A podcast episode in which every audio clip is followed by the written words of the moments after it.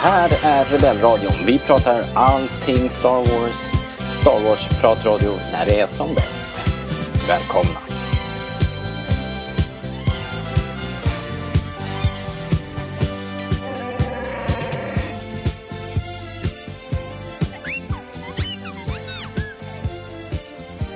Det är ju helt otroligt att kunna säga att vi har fått en ny Star Wars-film på bio bara fem månader efter The Last Jedi.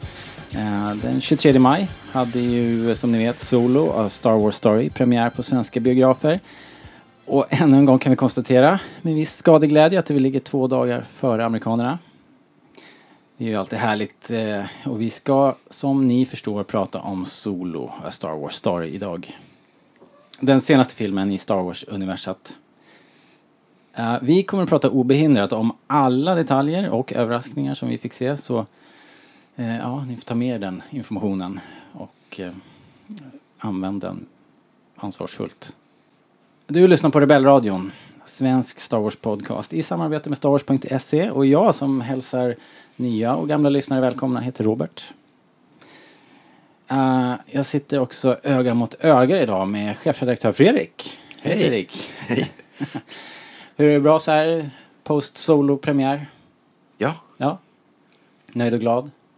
Det är jag. Ska vi börja med Men betyget? Nej, jag skojar. Nej, det kan vi inte göra. Nej, vi ska, vi ska prata eh, noga om det här. Eh, sen har vi ju eh, en aning slumpartad Blast from the past. Vi har ju den enda som jag känner som rockar kilten regelbundet. Nisse är här på besök. Hej Robert. Hej, vad trevligt. Du var ju med i Rebellradion senast. Du var alltså 2013. Ja, jag, jag har tagit en liten paus och äh, återkommer sådär. Jag, jag gillar att hålla det lite, jag ska, jag ska hålla det på halster, inte vara med för mycket. Nej, men det är en lagom nivå har vi, känner vi också. Liksom. Ja, ja. Precis så. Det var på en stökig restaurang i, i, liksom, i Essen. Ja, Så här, efter att vi hade varit på, på konventet. I, det var när Star Wars Celebration var i Essen. ja, precis. Det var lite blandat. Eh, högljudda öldrickare, någon som blåste eld bakom oss. Det var Mm. Ja, det, var, kreativt och öppet och eh, spännande. det blev ov- oväntat bra. Jag tror den här podden är så gammal så den finns inte att lyssna på. eh, på ja, den filen ligger inte uppe. Ny- Nyfikna lyssnare får skriva in. så kanske vi kan åtgärda det. Skicka ut den på något sätt. Eh, kul att du är här i alla fall. Tackar, tackar. Men, ja vänta, det finns ju en person till här. Jaha, ja, ja. Ja, ja, det vet jag. Daniel. Hej. Hej!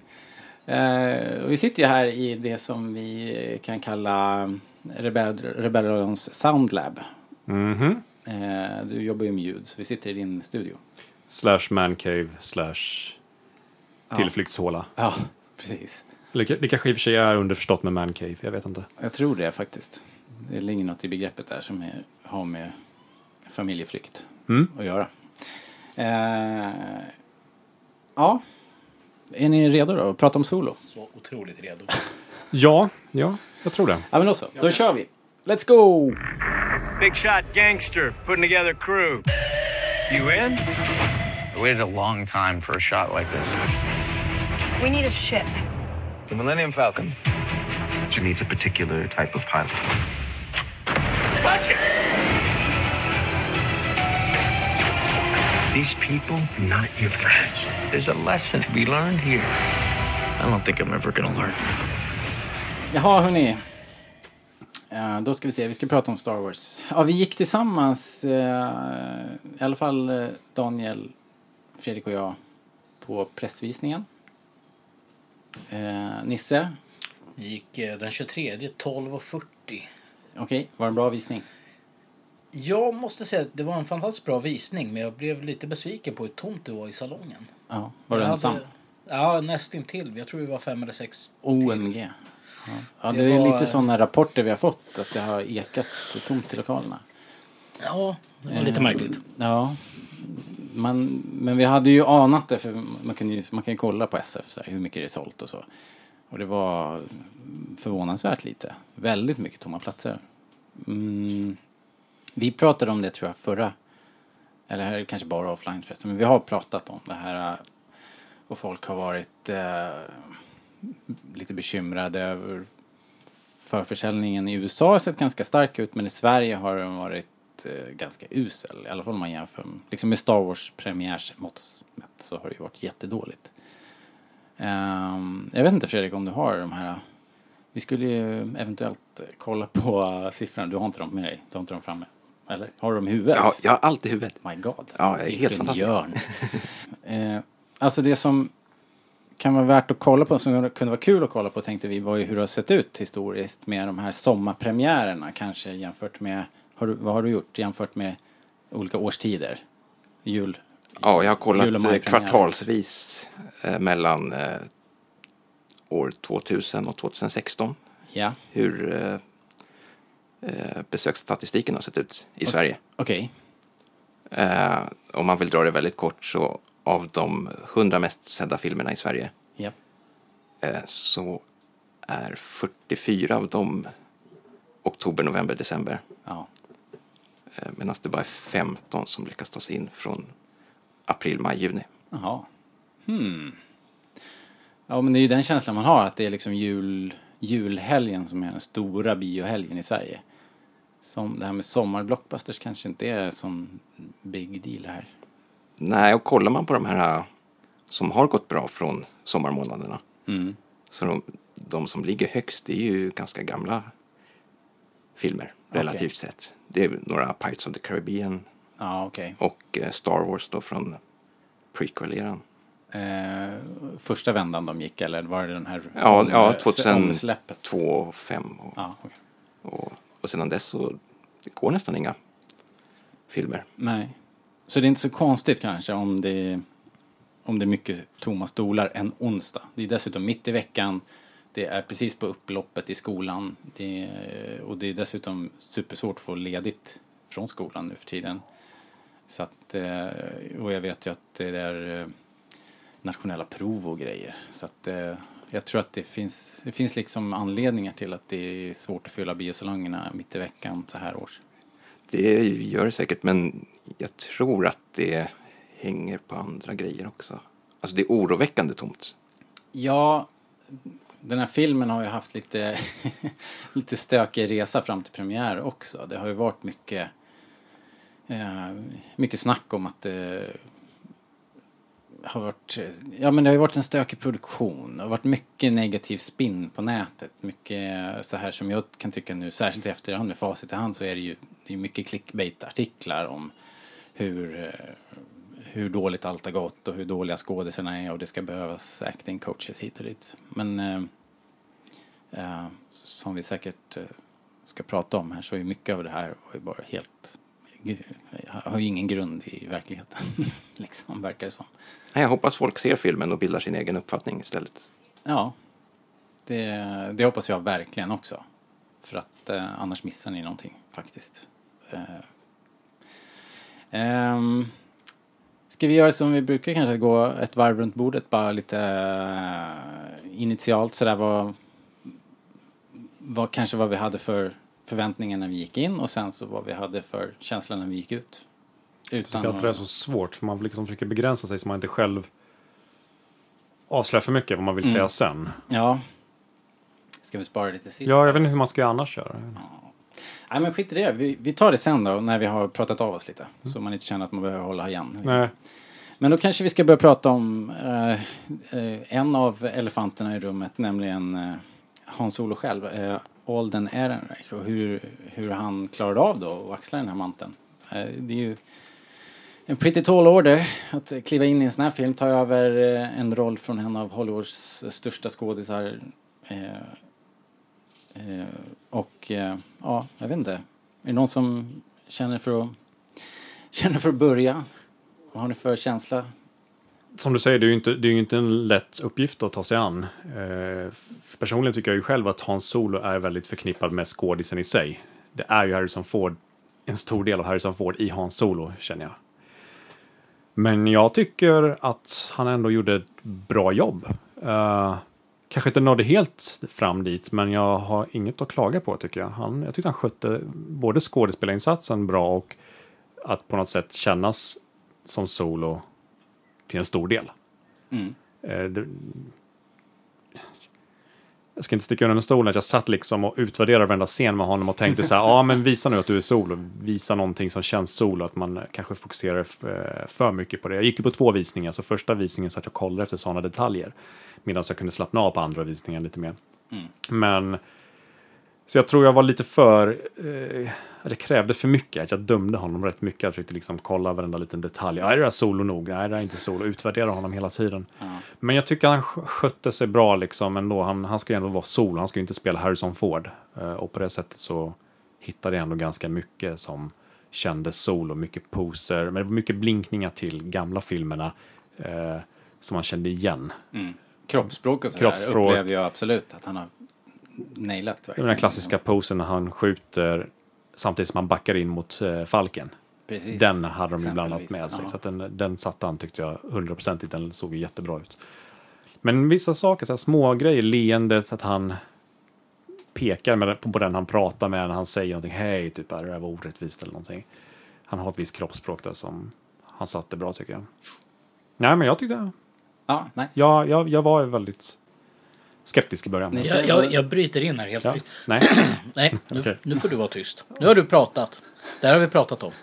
Så, anyways, eh, det jag vill påpeka egentligen också bara, jag hade väldigt låga förväntningar när jag gick in eh, på just Alden. Men jag tycker att han motbevisade mig.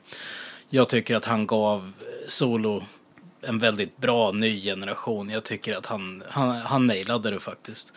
Absolut, det är klart att han är inte Harrison Ford, men det känns inte som att han försökte vara Harrison Ford. Han försökte vara Han Solo i en ung gestalt och det tycker jag han verkligen lyckas med. Ja, han var solo först liksom. Han var Solo, han var inte Harrison Ford. Det är, liksom, det, är det han, han har valt att utgå ifrån och det tycker jag Och det verkligen går funkar bra. ju, Ja, absolut. Liksom. Det, det finns detaljer som man kan gå ner och, och bryta ner hur mycket som helst. Men jag tycker att när man får en helhet så här då, då tycker jag verkligen att det, det är talande att de har valt rätt person för det hela. Ja. Fredrik då? Ska du ta fram yxan nu? Sågen? Ja, jag kanske kommer vara lite What? med. Ja, nej, nej, nej, så här. Eh, när jag satt i, i salongen så eh, visste jag ju att jag var tvungen att bilda mig en uppfattning eftersom det skulle ut en recension. Eh, och då försökte jag ju liksom, ja, som alla här har gjort, jämföra med, med Ford. Eh, jag kom på mig själv att jag, jag sveptes bara med. Mm. Eh, det, när jag ser filmen har jag inget problem med det. Nej. Överhuvudtaget. Han, han är Hans Solo. Mm. Eh, nu har det gått några dagar sedan vi såg Ja. filmen. och jag, jag vet inte om, om det kan bli någon slags eh, effekt liksom när det hinner sjunka in. För, för nu börjar jag känna lite att jag kanske hade haft, velat haft den här ehm, lite råare, lite smutsigare sidan.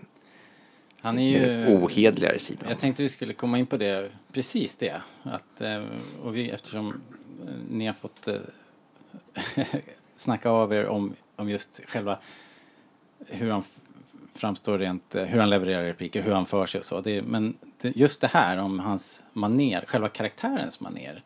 Han är ju liksom, när filmen börjar, han är ju inte precis en oskyldig figur. Han är ju en street rat och småbrottsling och lever ju på brott verkar det som och så. Men han är fortfarande inte bruten. och fortfarande ganska... Han känns... Han, han verkar ju... Han är ju kär i Kira och han... eh, känns fortfarande lite naiv och hoppfull och har drömmar och sådär. Ehm, och jag tänker att det kanske är det som man saknar. Det här lite mera... eh, ja men han är ju lite mer nihilistisk eh, när vi lär känna honom sen, när vi träffar honom i New Hope och sådär och eh, ja, oerhört världsvan liksom. Han är lite mer dyster på något sätt. Avtrubbad liksom. Och det Ja. upplevde jag inte här och nu. Men det är väl liksom, det är väl meningen också. Att Men ska det kommer väl på finnas en- resan. Ja exakt, det ska väl liksom komma på den resan. Eh, Och det är ju mer en manusbunden grej än, än att det har med åldern att göra. Exakt, precis. Precis som man upplever eh, Luke som en whiny brat i början på Episod 4 och sen så är han ju hjälten i slutet. Så det, det är väl någon, någon sorts ark, tänker jag. Eh, vad tänker ni då om den här karaktärsutveckling. Själva Hans Solos resa här. Från, från början av filmen. Man får en liten flashback. Och sen så kommer man ju fram då hela till, till, till slutet när, när han uh, ja, blir tvungen att skjuta sin mentor. Liksom. och Kira drar iväg åt ett annat håll. Och, ja, ganska många i, runt omkring honom har ju dött på vägen här också. Jag ser väl ändå en, en början till det som vi förväntar oss av Solo sen. Att det har ju påbörjats. Mm. Jag, så jag är inte helt... Jag känner inte samma sak där, att, att jag vill se den här nihilistiska bittra Solo. För jag känner att den, den har bara startat nu. Uh, för filmen slutar ju ganska mycket med att han blir ju backstabbad av de flesta. Ja men exakt, precis. Så ja, nej, jag, jag tycker det är en lagom takt. Mm. Speciellt när filmen är uppgjord, eller den är upplagd för att det ska bli flera. Det är ju jättetydligt och uppenbart att de vill göra flera filmer, att, eller att de ger chansen till att det ska kunna göras flera. Ja, det är väldigt öppet slut. Ja, så jag tycker att det är, det är en bra början, det är en bra start. Eh, och det finns ju utrymme för honom att utvecklas åt det hållet som vi kommer nog se Solo gå för att kunna bli Harrison Ford Solo. Så att nej, men jag är inte orolig. Nej. Um, Okej, så du tyckte det var en ganska, det var naturlig och lagom... eh, Det var en bra takt tycker Ja. jag, det var lagom. Vi fick liksom fick ju se situationer som formade honom och gjorde honom liksom Ja. grundstenarna. Ja. Från början så var han lite småkriminell, sen hamnade han i krig och började ifrågasätta imperiet. Där har vi liksom den grunden att han, varför han inte gillar imperiet. Ja. Han har ju någon erfarenhet där. tyckte det var så jäkla bra där på min band också. Bara Mm. för att flika in. Var inte det supercoolt? När han är där och man får se honom vara precis eh, alla soldater, plutonen går ut till höger i bild, Hans Solo går ut till vänster i bild. Mm. Supercoolt. Så man hittar ju små detaljer hela tiden som jag känner så här, ah, men det här kan man känna igen i sättet han beter sig i, i de äldre filmerna. Mm. Så att, eh, nej men jag tycker han sköter det snyggt. Ja, Nisse? Ja, eh, jo men samma. Jag känner ju också att det, det är upplagt för att det ska bli flera. Och eh, jag tror att det är bra att han börjar med den här lite positiva, eh, naiva han och sen jobbar sig sakta neråt. Till, jag menar, det, det är ju uppenbart att när, när vi möter honom i A New Hope så är han ju rutinerad smugglare. Han är liksom outlaw. Eh, Det, det är ju inte, liksom, inte för inte som han befinner sig där han befinner sig då. Nej. Och här får vi ju se liksom hela fallet neråt eller vad man ska kalla det. Ja. Det, det uppskattar jag. Tycker det är bra. Men allt behöver inte vara all in your face hela tiden. Det, är- det, är, Nej. ju- det är ju små element man Precis. hittar som man kan koppla så här. Eh, Man kan dra paralleller om man bara tänker efter lite. Det behöver inte vara så här, aha, det var därför han nu gör så i fyran. Aha, det är därför han gör så i femman. Utan Det- lite, Jag hade det på tungan, jag håller med precis. Eh, Och att eh, i vissa fall så var det kanske ganska mycket eh, skrivet på näsan. Ja. I vissa, vissa saker här. Men på det hela taget så var det ganska snyggt gjort ju. Faktiskt. Jag håller precis med. Ehm, jag tänker att hans relation till Kira hänger väldigt mycket ihop med hans utvecklingsark. Jag kan förklara hur jag tänker. Det är så här att Kira blir fast på eh, eh, Corellia. Det, det börjar ju med att de skiljs åt där. Han är ju uppenbarligen helt kär i henne och det känns som att det är hon som har varit den som har stakat ut deras framtid. Det är hon som har gjort planerna. Det är hon som vet hur mycket det kostar för att ta sig off-world. Och han hänger egentligen på liksom. Han klamrar sig fast vid henne och helt plötsligt så skiljs de sig åt. Så, så de här tre, fyra åren som de är ifrån varandra så har ju hans fokus bara varit att komma tillbaks till henne. Det har varit det enda som har liksom varit hans drivkraft och hans absoluta mål hela tiden. Medan hon har ju släppt honom och gått vidare i princip. Hon har ju befunnit sig i en massa situationer så hon har inte haft något val liksom och gjort en massa jävla skit tydligen och på vägen. Men så har hon ju lyckats ta sig upp till en väldigt hög position i den här äh, brottsorganisationen. Så jag tänker att det är en jätteintressant grej, liksom skillnad. Deras utveckling är ju helt olika. Han, är, han har ju nästan, han står ju och stampar nästan. Han har ju blivit pilot och så. Men, men liksom eh, rent, hans mindset är detsamma. Han är, han är precis kvar i det där ögonblicket när de skiljs åt. Medan hon har ju gått vidare helt och hållet liksom. Apropå det som du inte har sagt. om Ja, ja nej, men det, det, det blir väldigt tydligt eh, när de träffas igen. ja precis. Eh, liksom, för hon kommer i den här eh, klubbmiljön. Mm. Liksom, välklädd och, och liksom Väldigt till synes eh, tagit sig upp.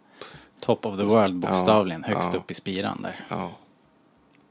Medan han liksom verkligen är, som du säger, kvar på, Ja. på samma nivå. Han är fortfarande, håller på och hasslar fortfarande liksom. Ehm, ja men ska vi prata lite mer om Kira kanske? Mm. Någonting som... eh, Om vi måste. Ja, vi, kommer, vi kommer tillbaks till Hans-Olo, hur vi än gör kanske. Uh, Kiras karaktär då, vad, vad känner ni då? Är, är hon liksom en eh, möjlig storskurk i nästa film? Är det, kommer vi få se någon kul utveckling där? Hon kommer ju nu att träffa du, du, du, Darth Maul.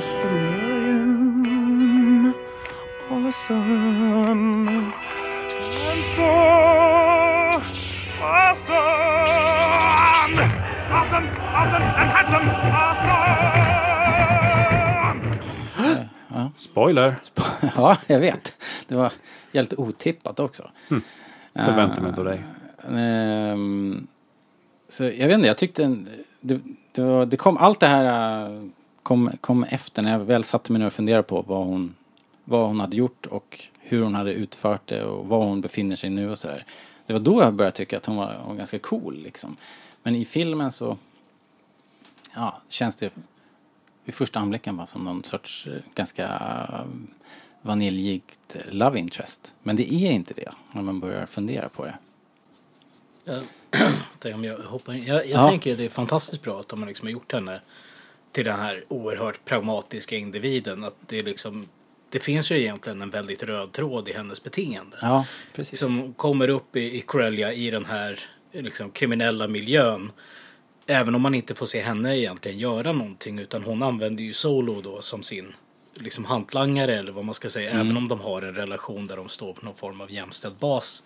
Så som du sa tidigare, hon är ju den som calls the shots och han är den som gör grejerna och Ja, sen det kommer känns så, tillbaka. liksom. Liksom. Så, så men jag tycker att det finns en, en oerhört röd tråd, en, liksom en individ som hela tiden tar det här steget.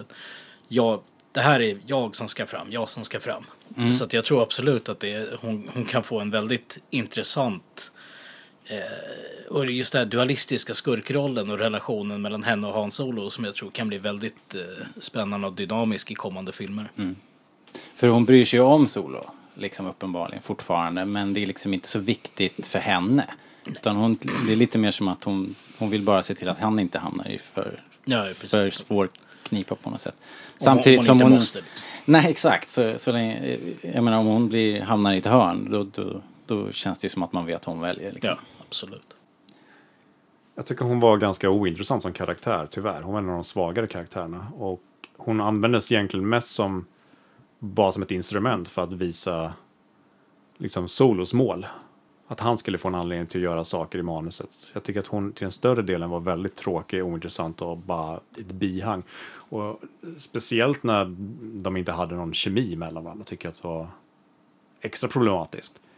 Sen mot slutet så blir hon ju mer intressant som ni säger. Men för min del är det redan för sent. Det känns liksom som en jätteuppförsbacke att jobba upp för att jag ska få intresse för henne igen. Visst, hon, hon räddade sig själv lite där med att bli intressant, men eh, då hade jag nästan liksom glömt bort henne. Inte slutat, jag slutade bry mig om henne nästan hela filmen, speciellt när hon följer med till Kessel och så. Hon, hon finns ju där, men jag, jag har ingen aning vad hon, jag kommer inte ihåg vad hon gjorde nästan. Nej, hon får ju inte så mycket... Eh, man får ju inte veta någonting om henne egentligen, om hennes bakgrund. Man, de bara antyder hela tiden att hon har gjort massa skit och Beckett säger att eh, du känner inte henne riktigt. Så att det antyds ju om att hon är en helt annan person nu. Men vi vet ju inte så mycket. Så att det är väl det då. Det var, det var lite det jag kände också att i, i, vid första anblicken så, så var hon ganska lättviktig. Men när man börjar lägga ihop ett och ett så här i efterhand så inser man ju att hon har ju verkligen gjort en karriär. Och precis i slutet så mördar hon ju Dryden Voss och skyller allt på Beckett. Och själv står själv kvar på toppen liksom. Eller eh, nästan toppen då. Men eh, liksom snyggt spelat. Ehm, Men det känns som det genomsyrar hela hennes liv. Mm. För även hon har tagit sig från Corellia och liksom när vi återser henne eh, som presenteras ju i princip som en höjdare. Mm. Men så fort Dryden Voss kommer in i, i bilden så är det som att han eh, statuerar ett, ett exempel, liksom att eh, han har henne i sitt koppel. Ja, Och verkligen. hon är inte mer än en, en hund för, Nej. för honom. Nej. Hållen hårt, får man säga. Ja. Och brännmärkt, liksom. Så hon är ju verkligen fast. Eh, hon hade ju det här, hon var ju typ brännmärkt på handleden. Så hon var ju, det är det, det jag tycker Ägde. är så intressant även på slutet. Alltså, även när hon slår sig fri så är hon ju fast ja. under mål då istället. Det är väl också lite symptomatiskt med det som Beckett pratar om eh, innan de går och möter upp Dryden Voss. Att det liksom, när du ger dig in i det här då är du aldrig fri igen. Liksom. Det, det tycker jag, det, det, det finns ju liksom en, en koppling däremellan också. Men Ja. hur, hur mycket val har hon? För att hon är ju som också som Beckett säger, hon är ju en eh, överlevare. Mm. Och eh, vad ska hon göra? Visst, hennes boss är död, men det är inte så att hon har ett CV och kan bara, ah, men jag tar ett skepp och sticker till den här planeten, skaffar jobb och lägenhet. Det är allt hon kan är ju brottsligheten. För henne blir ju naturligt bara, ah, ja, men det väl bara fortsätta här och ta, ta liksom chansen att göra någonting av det här. Jag skulle, jag skulle, jag skulle eh, inte där liksom bara, ja, men ge mig bort. Hur, hur ska hon ta sig till en annan planet? Hon har det där skeppet, visst. Men hur ska hon skaffa jobb? Hur ska hon liksom ta sig börja från början? Hon har ju inget annat. För, fast där har hon ju egentligen ett val. Hon kan ju gå ut och, och slå sig ihop med, med liksom Han och med, med Chewie. Men väljer att inte Fingera sin sant. egen död kanske och Ja. sticka iväg. Men, sig, hon men- har ju pengar också. Hon hade ju massa smycken och grejer där. Men Ja. visst, Så, så, det är fortfarande allt hon kan egentligen. Liksom. ja. Brottslighet och leva det livet. Antingen är det att hon fortfarande är rädd för den som sitter på toppen, liksom med all rätt får man ju säga då, eftersom vi vet den som sitter på toppen. Och, eh, men sen också är det ju ett, ett power grab här, hon tar ju mer makt. Eh, så att, eh, så att det, ble, det blev ju intressant där, faktiskt. Man, man får ta ett sidospår där med också med vem som sitter på toppen. Så är, liksom, ser man en förlängning av det som hände i Clone Wars här? När liksom mål och... och eh, ja, vad fasen heter hans brorsa nu bara för det då? Savage Opress Ja, just det. börjar bygga upp de här liksom, kriminella klanerna Ja, i syfte att ta över, eh, liksom, och skapa ett nytt sidoimperium. Liksom, motsvarande. Empire of the Hand-känsla vid sidan av. Liksom. Vi pratade om det lite innan här, eh, om huruvida det här Crimson Dawn var någonting som vi hade hört talas om innan. Men det verkar vara uppfunnet nu inför det här. Va? Vi, vi hittade inga andra referenser. Det var, eller det var- någon bok. Ja, men boken är länkad direkt till filmen. Den kom ut 17 april. Eh, Ja, det var den här och Last den var liksom, ja, Han Ja. och, det var något serieaktigt som Disney har lagt ut som bara är Han och Chewie Adventure. Jaha, okej. Ja, det, det finns en, en liten, ja men typ en mening i Last Shot också. Det nämns att det, de ser några Crims, Crimson Dawn kryssar eller vad fan det är. Jag gillar Så det- trenden att döpa just namn, alltså döpa sina kriminella ligor till något eh, solrelaterat. Black Sun, Crimson Dawn. Ja. Eh, Småbarnsförälder så heter det grådask imorgon. Men ja, precis. Ehm, lite konstigt att de inte tar något mer etablerat egentligen. För att han, är det inte så att eh, Darth Maul försöker ta kontroll över eh, Black Sun Jo. och, och eh, apropå saker och ting som refereras till i, i den här filmen så det droppas ju referenser verkligen eh, till höger och vänster. Ett tag kändes det som så här att man spelar någon sån här eh, något sånt här gammalt spel från 90-talet där saker och ting trillar ner och man bara plockar dem liksom. Det bara trillar ner frukt från taget. Så här, Fruit Ninja var det bara. Det var hur mycket referenser som helst. Det var ja, Pike-syndikatet tänkte jag på nu till exempel. Pikes är också någonting som kommer från Clone Wars ju. Eh, de pratar om Bosk, namedroppar Bosk, Aura Singh. Ehm, listan kan göras lång. Terras Cassie. Fia med knuff med Pablo Hidalgo liksom. Det ja, någon som sitter och Han har fått jobba där. Ja, ja, verkligen. Jobbat hårt. Övertid Jag verkligen. tyckte att han är, du får lite för mycket pengar för att inte göra någonting här. Nästa, nästa film skulle fan droppa. sitter och pratar Transformers på Twitter istället. Liksom. Ja. Nu får du jobba. Ja, Ehm, nej men att man inte tar då en eh, Black Sun till exempel. Som, som är lite mer etablerat. Samtidigt så kan det finnas ett, en tanke med det är att man liksom har separerat det här från de andra. Just för att man ska kunna få in mål igen. Ja, för tredje gången igen. Ja. Det kan ju finnas liksom en renodlad tanke att man vill vara helt nya och man vill vara identitetslösa. Liksom. Jo, nu är det lite med fria händer såklart. När insåg ni att det var mål? Apropå mål. Eh, han visar sitt ansikte. Ja, eller hur? Jag skäms ju nu att jag inte hörde, hörde på rösten att det var han. Det Ja. hörde ju, alltså, De kanske dol- döljer lite. Jag kommer inte ihåg hur... det känns väldigt tydligt när man ser den andra gången. Då, då hör man ju direkt. Man Ja. vet vem det är med facit i hand. Men Svårt att veta. just då så satt jag... Jag satt och funderade på det här borde ju vara någon man känner. Ja, man exakt. Så såg- tänkte jag också. en- Är det kejsaren började Jag tänka så här, tänkte helt också- förvirrad Trodde tidslinje. jag också så först. Men så tänkte nej det låter inte som han. Och så såg jag benen och kändes metalliska. Ja. Eh, För det var ju en sån vinkel, man såg bara benen. Ja. Men eh, nej, jag bommade totalt. Ja, Så nej, det, polletten chockad. inte ner. Ni då? Jag kan ju säga att jag kände igen rösten som Sam Whitworths. Ah, Okej. Eh, men jag kopplade ju inte alls. Nej. Jag såg inte den grejen komma. Nej, verkligen. ja, jag, tycker ju att så här i efterhand att det är, roligt och spännande. Men helt otippat. Och som du sa Nisse, vi har ju just begravt honom liksom. Spoiler. Men vad jag tänker alltså, för oss som kollar på Clone Wars och Rebels, vi vet ju om det här. Mm. För det, visst, det är ju en liten överraskning att han är med i filmen, man blir ju inte wow, Mal lever. Nej, Eh, exakt. Men jag har funderat på de som inte följer det här, de som tittar bara på filmerna. Hur reagerar de? Ja, det skulle vara kul att veta. Ni har liksom. inte hört någon eller? Har ni Nej. pratat med någon som inte har varit insatt? Men de borde, ju, de borde ju bli mer chockade. Bara, va? Lever han? Och inte, de har ju ingen bakgrundshistoria med hans ben eller under, underdelen av kroppen och så. Så det skulle vara Totalt förvirrat. Och det var lite därför som vi postade idag på Facebook också en tidslinje vart det här ligger i kanon. Mm. Därför att jag inbillar mig att, eh, ja, dels på förekommande anledning, jag, jag har hört folk som har varit lite förvirrade i vart, vart det här kan vara någonstans. Och jag kan tänka mig att det är just måls inblandning som ställer till det lite. Eh, vart i tidslinjen man Mhm. Folk är. är väl alltid förvirrade liksom. Ja. Men Rogue One var ju ett problem. I och för sig. Episod 7 var också ett problem för folk att inse vad det var. Så att, Ja, jo men det är ju vi som konsumerar så mycket, vi har ju mer koll såklart. Eh, Det gäller väl de flesta som lyssnar på det här och de som läser på Facebook och så men, men det här, filmerna siktar ju på en mycket bredare massa så man undrar lite hur de, de uppför det. Jag kan meddela att eh, andra visningen gick jag med, med mina barn och en kompis, ja ni var ju med också, till en kompis till mina tack för att du barn. minns oss. Ja, En kompis. Ja. Exakt. Nej men så... Jag visste ju att den här revealen skulle komma så då började jag snegla på dem. Liksom. För jag tänkte, så måste jag kolla hur de reagerar. Och det var helt obetalbart liksom. Deras min, så här, hakorna bokstavligen träffade bröstkorgen liksom. Och de bara viskade till varandra sådär Oh my god! Det var verkligen mindblown.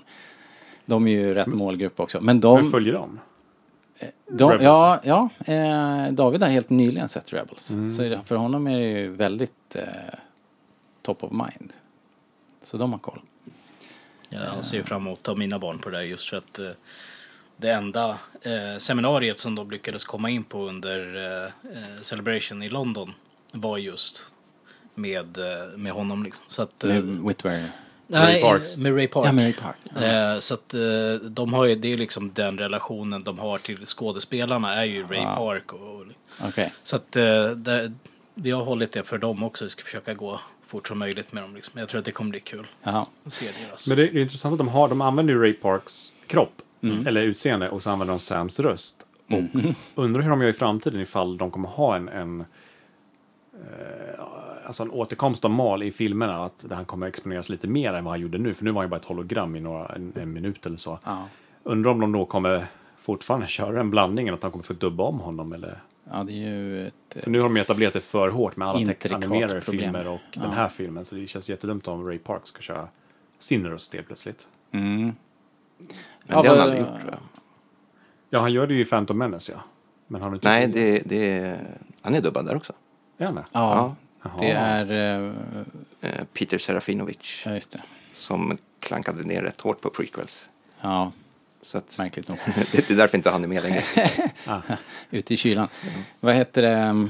Men vad tänker ni?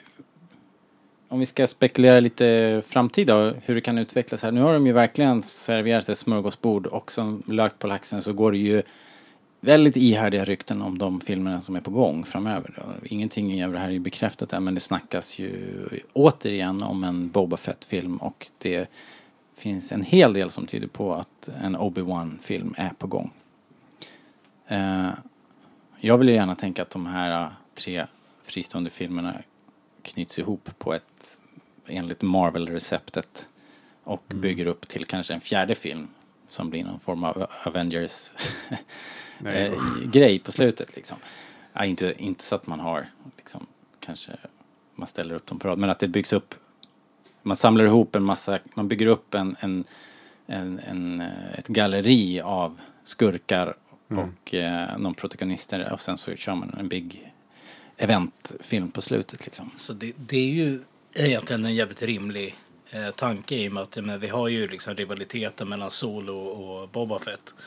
Eh, Nu är det rätt länge sedan jag läste i Legends men jag vill minnas att vi har någon uppgörelse i gammal ålder mellan de här två. Det finns väl hur många som helst Ja, egentligen. blandat. Flera Eh, varianter, flera olika eller upplösningar. Sen, ja, om vi nu ska ta spoilerord igen, men vi har ju Rebels har vi ju liksom en, en återkoppling med Kenobi och Darth Maul-rivaliteten är väl inte okänd någonstans liksom vid det här laget och där har vi också en, en upplösning. Ehm, så att det är ju intressant att man liksom bygger, det vore ju väldigt logiskt att bygga på just de två rivaliteterna om man ska jobba mot en gemensam film. Precis. Lite mer tveksamt hur eh, Solo och Chewie passar in i den här ekvationen. De kan ju inte liksom ha för mycket interaktion med till exempel Ben innan A New Hope och sådär. Men Det känns ju som upplagt för cameo i så fall. Speciellt om man eh, droppar Tatooine i solofilmen och de är, känns som de är på väg till Jabba. Ja, det är ju liksom sån jäkla smashläge. De är ju på väg dit liksom. Det vet vi ju inte, men det känns som. Ja, det, ja men vet Ja, inte ja, att det är precis. det de... Det är Ja, väl det sista som händer, dit- att de åker till kommer de dit, men vi vet ju inte om de åker dit i slutet av solofilmen, vet vi inte. Ja, men de pratar om någon Big Shot Gangster och Tatooine nämns ju också att uh, Beckett uh, Ja, men det görs ju innan, det vet ju inte vi att de åker direkt efter.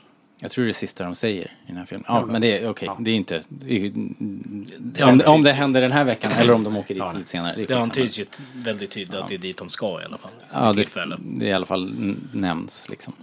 Ehm, ja, det är ju exciting times, verkligen. Men är det här... Vi, Fredrik skrev ju en jättebra recension, en spoilerfri recension som har, har snurrat varv efter varv på nätet. Den, ja, i allra högsta grad. Eh, Får ingenting betalt dock. Eller? För det? Nej. Nej. Nej, inte från Det är mig. jag som, det är jag som pimpar ut dig. Eh, men där skriver ju du att det här är ju filmen som ingen bad om men nu när vi har fått den så är det ju fantastiskt ungefär. Ehm, frågan är om det är någon som önskar sig mer. Är det någon som vill ha efterrätt här nu då? Nu, för det här, det är inte helt säkert att det blir en sån supersuccé. Dels har ju filmen varit extremt dyr eftersom de har spelat in den två gånger. Jag läste att den hade kostat 250 miljoner dollar att spela in. Vilket är alltså inte vet jag, det är ju så här Avengers-pengar liksom. Så det är mycket. Och om den nu då dessutom inte kommer att få... Den har ju börjat lite tveksamt, har den ju börjat. Vi vet inte så mycket än, vi har inte sett någon första weekendsiffra va, i USA och så här, för den hade, när vi spelade in det här hade den premiär igår i USA.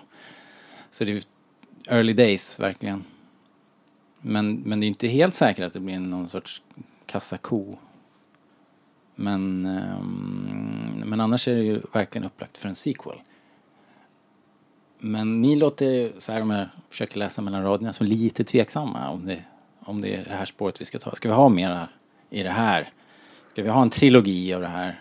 Jag vet, jag vet inte om vi ska ha en trilogi, men jag tycker absolut att det finns utrymme för en sequel i det här. Eh, så pass bra tycker jag att de har, de har träffat med detaljerna och de har fått in liksom i och med att vi har en, en ny bra Chewie, vi har en ny Han, vi har en ny Lando, vi har nya liksom in, intressanta karaktärer, vi har en skurk som vi kan jobba mot där vi också vet att vi behöver inte tänka på senare kanoninblandning och hur det ska funka mot andra. Liksom, utan det finns ju en genomtänkt eh, idé där. Så det Men jag tycker vill du absolut se att, det? Ja, jag vill se mer. Ja.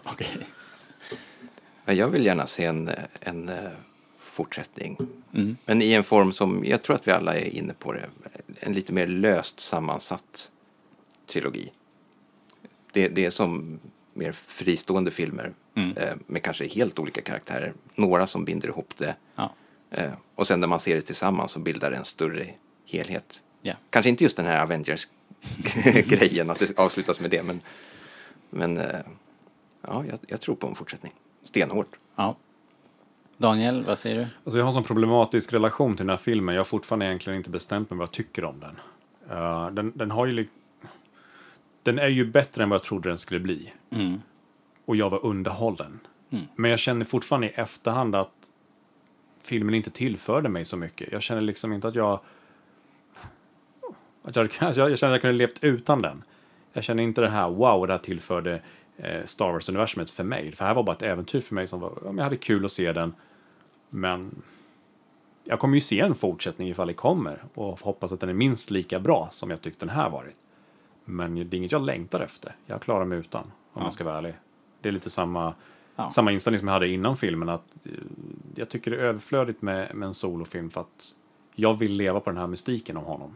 Mm. Och det är samma sak med Boba Fett-filmen som snackas om. Och jag, jag vill liksom leva på den mystiken av honom också. Jag vill inte att man ska förstöra. Och jag tycker lite det blev för mycket med Solo. Jag försökt, försökte fokusera på allting runt om. Och jag tycker att det som var runt omkring själva händelser, situationer, eh, lokation, alltså platser, andra karaktärer, de tillförde mig tillförde mer för mig än vad Solo gjorde personligen. Eh, ja, vi har ju pratat ganska länge redan. Vi har inte nämnt eh, Emphys Nest till exempel. Som, som var som en lite mysteriefigur så här. Och ehm, man hade anat att det skulle vara någon liten... Eh, jag vet, de hade som lagt upp det för att det skulle vara en, eh, en karaktär under hjälmen som vi visste vem det var på något sätt. Att det skulle vara någon sorts överraskning att någon skulle dyka upp där som gubben i lådan. Någon sorts introduktion till en eh, ny eventuellt rebellcell ehm, med potential verkligen för att känns ju som att hon skulle kunna komma tillbaka, hela det gänget skulle komma tillbaks. På sina swoop bikes. Mm. Eh, Daniel, vad säger du? Emphys Nest? Jag tycker hon var den me- mest, eller en av de mest intressanta karaktärerna, även om hon var med jättelite. Alltså till skillnad från de andra så tyckte att hon stal eh, showen varje gång hon var där. Mm. Och jag vill se mer av henne. Hon, hon är ju perfekt karaktär att kunna bygga någonting vid sidan av. Mm. Det finns ju jättemycket att berätta om innan varför hon blev som hon är. Eh, bakgrundshistoria men också samtidigt vad hon håller på med. För jag, jag kan ju tänka mig att hon gör annat än att jaga Beckett hela tiden. Hon måste ju liksom sysselsätta sig med något mer. Och eventuellt vad som händer efter. Jag skulle ju lätt kunna tänka mig se en film om henne i lite Mad Max-stil. Mm. Hon känns ju lite mer hämtad från postapokalyps, Ja, Mad Max, eh. Marauder-genren. Um, nej, jag, tycker, jag, gillar henne. Jag har allt. Ja, gjorde stal, ju, allt. stal ju många scener Ja. faktiskt. Supercool på tåget. När hon kommer springande på, när hon hoppar på och springer upp bäcket. Bäcket skjuter och hon deflektar på någon jävla vis. Ja, det är så jävla grymt. Jag tyckte det var supercoolt. den uh, trycksvågsattacken i slutet och allt. Alltså, Ja, det bara klaffar. Jag gillar det. Hon, eh, Riktigt, riktigt coolt. Den funkar den karaktären. Och det, jag är glad, jag är glad att hon lever. Att Ja. man inte bara har liksom som alla andra karaktärer. För det är ju ett annat problem med de här eh, sidofilmerna. Det är att man dödar av folk åt höger och vänster för att man inte ska behöva knyta ihop dem med alla andra filmerna. Mm. Vilket jag tycker är ett problem. Kan man inte bara låta folk liksom försvinna? De försvinner till sin egen planet Ja. och hörs inte mer. Men det känns som att man dödar av för många bra karaktärer. Och jag är jätteglad att man inte dödat av henne utan att det finns någonting att jobba på. Ja. ja men där, fanns, lagom. där fanns ju möjligheten att släppa iväg henne och kanske en vacker dag återkomma till lär- om, om det inte blir fler filmer så kommer det ju komma böcker och serier och liksom Mm. garanterat. Liksom. Det är ju oundvikligt. Ja, de får inte göra en mål. Alltså, bara släppa mål som de gjorde i början. Ja. Han kom ju tillbaka, men det tog ju ett tag innan han kom tillbaka. Eh, Ja, det på riktigt. det Men ju- där skrevs ju också rätt mycket serier och böcker och grejer. Han vart en favorit liksom på något sätt sant. lite oväntat. Men det var väl liksom också någonting som Lucas ångrade sig att han hade dödat ja, om mål. ja, men verkligen. Men det lyckas ju. Uppenbarligen. De lyckas ju liksom rädda det Ja, efter. ja. Men ja, Ja, eh, hon är min nya mal, tror jag. Coolt. Ja, jag, är- jag är väldigt förtjust i henne. Alltså, hela uppenbarelsen och hur hon presenteras. Så all action med henne var cool liksom. Eller Fredrik? jag ser att du skrynklar ihop dig. Ja. Eh, jag tycker att hon är intressant, men jag, jag är inte helt såld på henne som ni verkar vara. Det är för att du är så kall. Skulle Nästan behöva dö- se filmen en tredje gång tror jag. Ja, det är säkert det. Jag ska dit direkt efter det. Ja, just det. Eh, nej, men, men jag tyckte hela hennes... Eh, den här revealen, när hon tog av sig Mm. masken, det föll så platt. Ja, Liksom, man hade ju gått och väntat sig att åh, här kommer vara någon stor fräsare liksom. Någon bekant, av någon anledning Ja. trodde man att det skulle vara någon man hade sett förut. Ja, Eh, och inskränkt som jag var så hade jag ju, i alla fall innan filmen började, så trodde jag att det var antingen Kira eller Val. Eh, av någon anledning, eftersom det var de två enda kvinnorna i universumet liksom. Just då. Men jag hade ju som tur var fel. Jag tycker bara det var en sån trist och platt reveal. Att man försökte göra en twist på det. Ja, titta det är en tjej. Ehm, Ja men det funkar ju. liksom man, vi satt inte. ju där och så bara, jaha, nej, men jag, vis, jag visste det. Jag hade blivit spoilad innan. jaha. Men jag tyckte det var en sån trist grej att göra. Jag hade blivit mer överraskad om det varit någon man kände igen. Alltså måleffekten. Att man bara wow, det är den här personen från den här jävla filmen eller Ja. serien eller någonting. Det hade ju varit coolt Men förstås. just nu blir det bara... eh. Man sett det förut. Det är just den här... Titta, det var en tjej under masken. Spoiler, eller twisten. Den har ju gjorts så många gånger. Så Absolut. att jag, Ja, i Star Wars till Tyckte det var lite platt. Med, med Leia ja. i Jabbas plats. exakt. Vad heter det? Men sen fick man ju lite, ex, vad heter det? I Exposition, vad heter det? Lite bakgrund på henne. Eh, hon är ju som Fantomen liksom. Det var ju, hon har ju ärvt den här Enfys Nest-karaktären av sin mor. Tyckte jag var coolt. Så, eh, så hon är odödlig. Maybe. Jag ser en filmtrilogi framför Ja, jag vet inte, jag hängde inte riktigt med. Jag tyckte hela sista akten var eh, den svagaste i filmen. Jag tyckte den blev lite platt där. Det var... Ja, tyvärr så tappar han ju tempo lite. Ja, det skulle plötsligt, plötsligt skulle man avslöja allting. Reveal här fram och tillbaka och liksom knyta ihop för snabbt. Och Mm. Det kändes som den tappade tempo. Eh, ja, lite. Den har någon sorts be- bell curve-utveckling för att den pikar ju med tågrånet tycker jag. Eh, sen är det rätt bra tempo det rullar på där men, men definitivt lite slow start men det kanske är bara för att det är så mycket nytt man ska ta in. Att, Och sen pikar det där och sen så Så Jag Känns det om som jag den tappar håller med om lite? att det pikar att tågrånet är en sån, sån jävla trope. Ja, Det, det känns som att nu kommer det här som man har sett tusen gånger innan.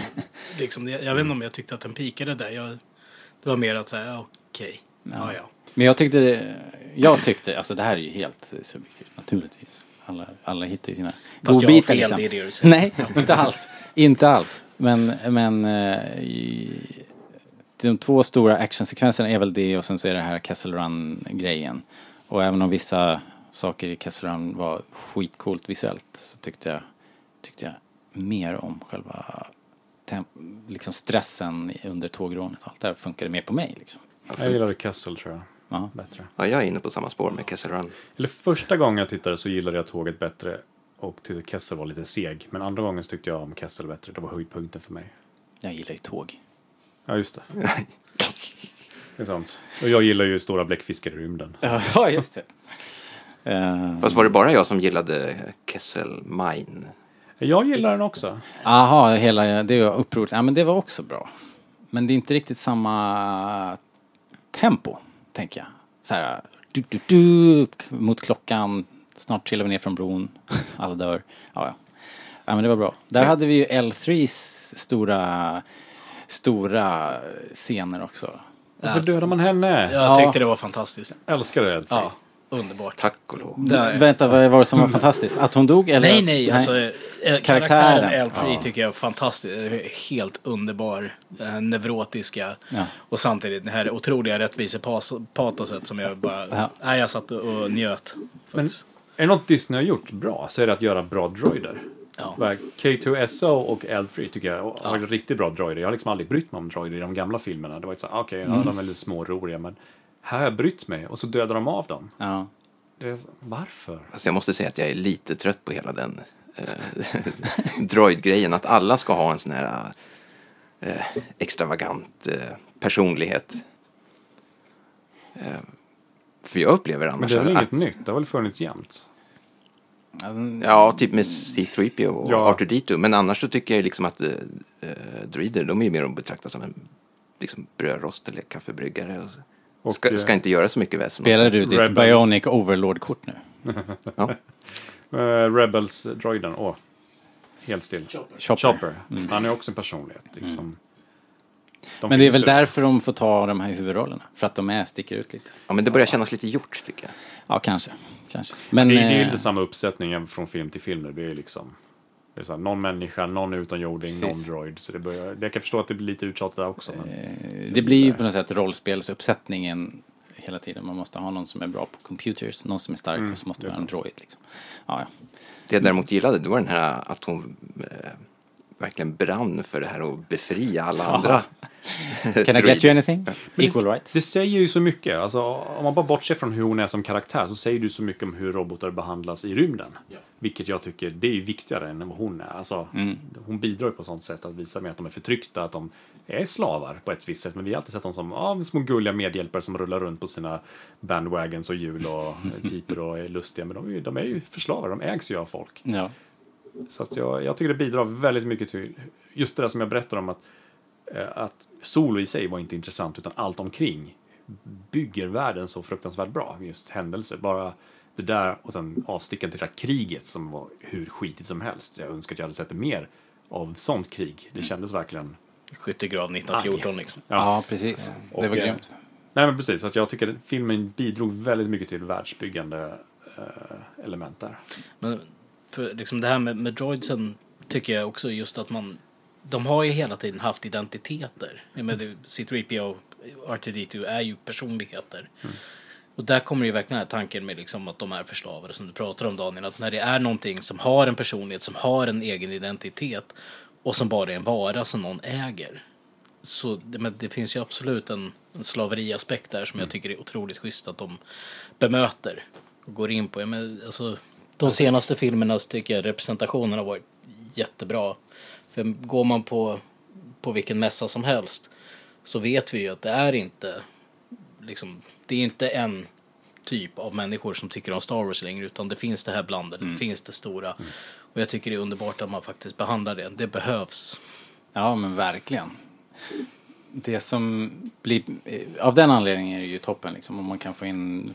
Men, men att börja problematisera droiders roll i Star Wars, det är ju ett eh, riktigt eh, jäkla eh, rabbit hole liksom att ge sig ner i. Nej, underbart. Nej, jag är jag- akademiker, jag- problematisera det bara. det. Och inte för att vara någon form av så här politiskt korrekt eller något annat skit man kan stämpla oss för nu bara för att vi råkar nämna det här. Det, jag tycker bara att det, det bidrar bara. Det var jättekul. Det blir Ja, det var kul. intressant. Ja. För det blir en dynamik mellan liksom, karaktärer och, och roller Ja. på ett annat sätt. Än att, ja. Det är byggande. Det var bra för stunden, men jag hoppas inte att de bygger vidare på det. Ehm, nej men alltså, ja, men alltså grejen är att ja, men det är ju, du har ju helt rätt för att om, om man bygger vidare på då är, då är nästa film, då är det ju eh, då är det ju Terminator liksom. Då är det ju Robot Uprising. Och eh, Varför inte? Det här är ett intressant tema också. Är svårt att få in i kanon. Jag skulle få i framtiden någon gång att en planet där robotarna bara this shit och sen Mm. går bananas.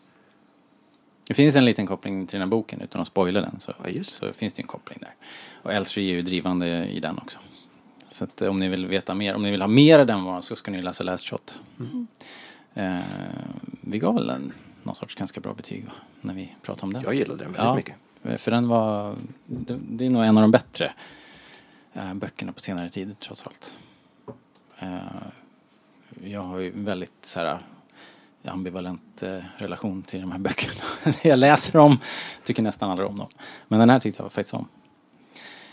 Um, ja, vi har ju lite fler karaktärer. Det var ju det här gänget som vi hade sett i alla trailerna som vi hade hunnit eh, förälska oss i bara eh, deras uppenbarelse i bild med Val och eh, Rio Durant. Vem glömmer jag någon? Nej, det var de, det var ju de som var med i gänget med eh, Beckett också.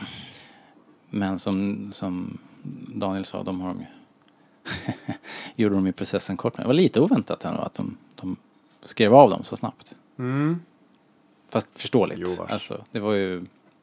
Eh, de, de var ju någon sorts eh, verktyg för att ta historien fram, framåt liksom. Jag kan tycka att Beckett kanske tog lite lätt på Vals frånfälle där.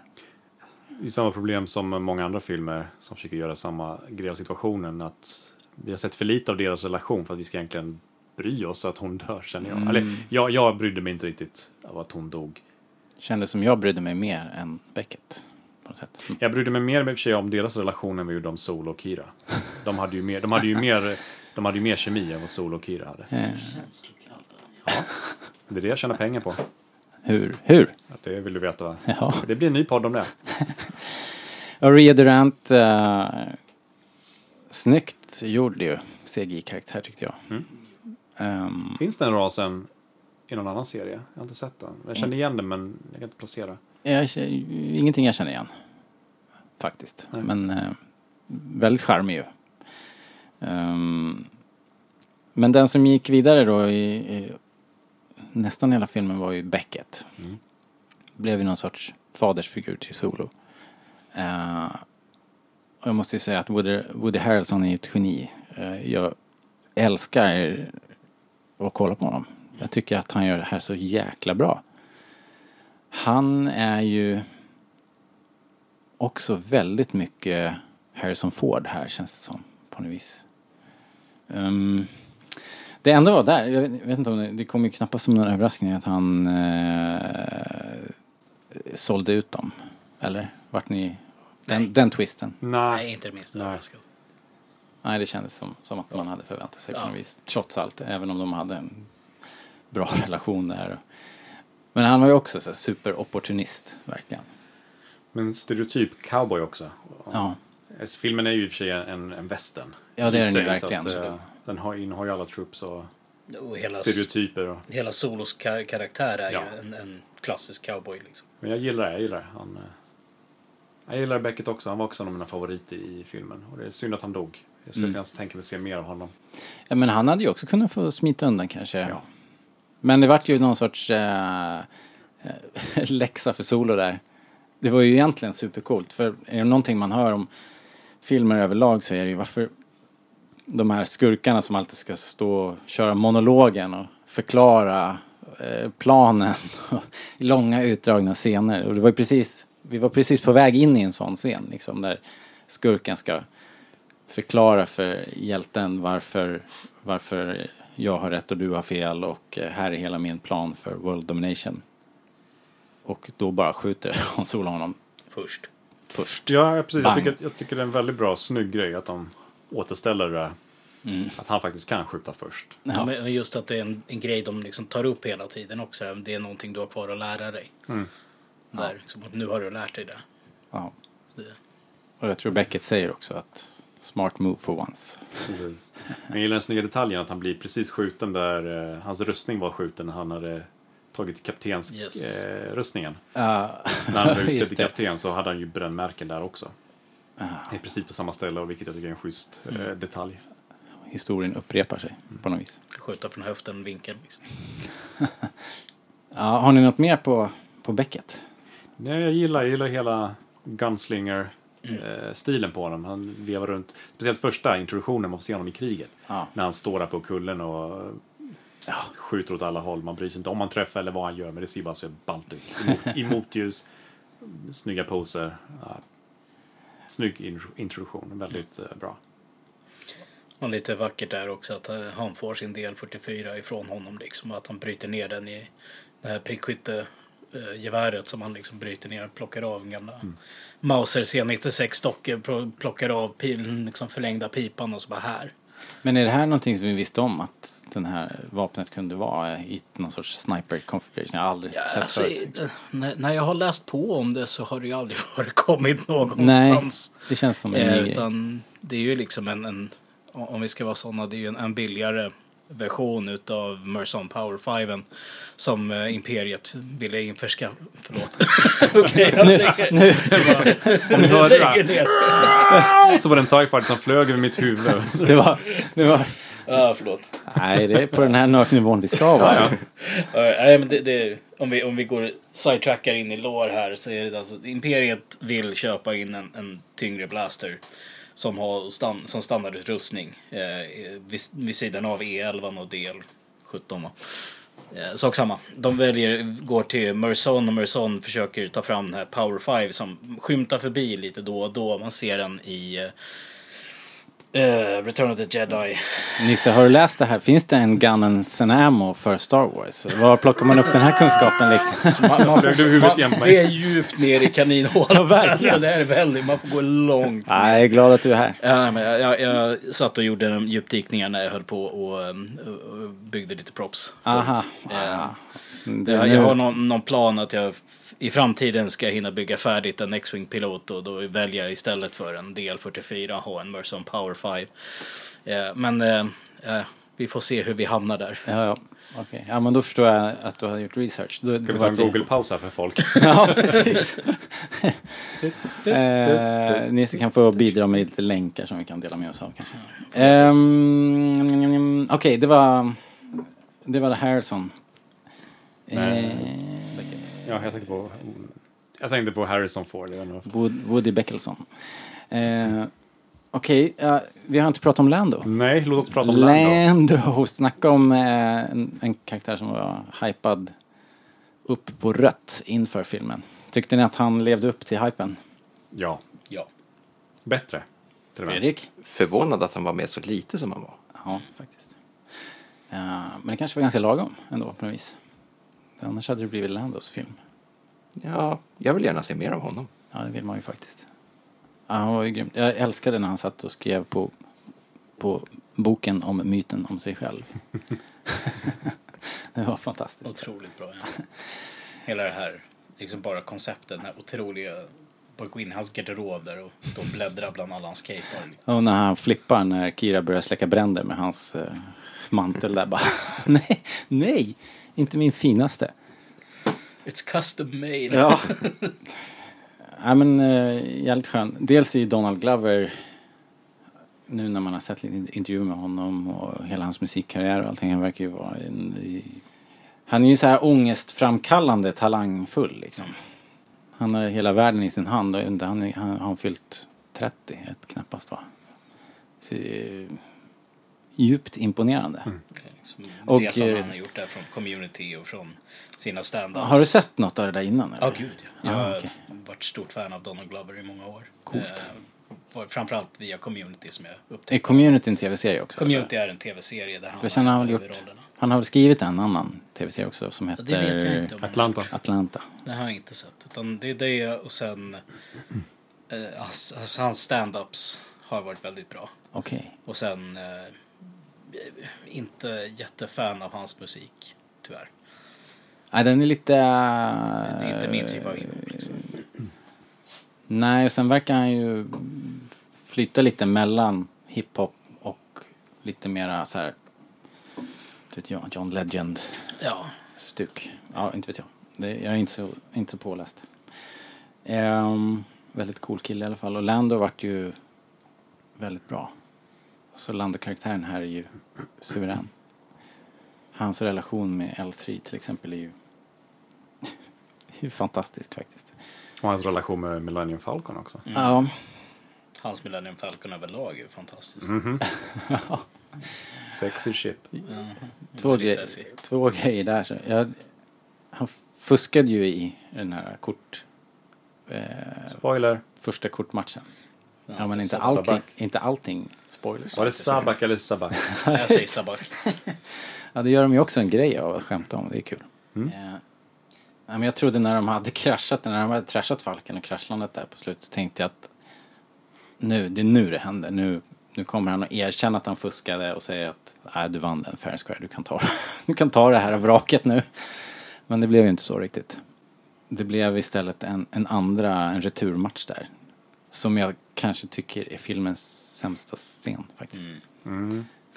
Så vill Tyvärr. Man, vill man dock se en väldigt bra scen eh, med just Lando om Falken så i Comic Book Man så finns det faktiskt en scen där Billy D. Williams spelar eh, Finns i sjön med eh, Wolf Flanagan om eh, en enorm eh, Millennium Falcon display som han vill köra, som han vill ge till sitt barnbarn. Okej, Så det rekommenderas varmt faktiskt. Fantastiskt bra scen. vad roligt. Just att se Billy D. Williams i den här Går det att hitta på Youtube kanske? Bara det? Det är fullt möjligt. Vi får, Vi får googla lite. Um, och en annan grej som jag ville komma in på angående Falken och L3 också är att hon, hon blir ju som en del av Falken. Jag har hört andra som har diskuterat om hon liksom blir en del av Falkens personlighet men så, riktigt så uppfattar inte jag det. För hon, om personligheten var levande så hade de ju på något sätt kunnat laga henne. Som jag förstod det nu så var den delen av L3 som var den här eh, fantastiska Josefinito-figuren liksom den dog medan själva kärnan och kartan fanns kvar. Så det är den delen som är kop- inkopplad. Liksom. Inte så, så jag uppfattade det inte som att det var hela medvetandet som gick in i Falken. Vad, hur känner, vad, har ni funderat på det? Eller? Nej, jag fattar det som bara liksom tekniken. Ja, lite så. Själva Google Maps-delen. Ja. Ja, ja.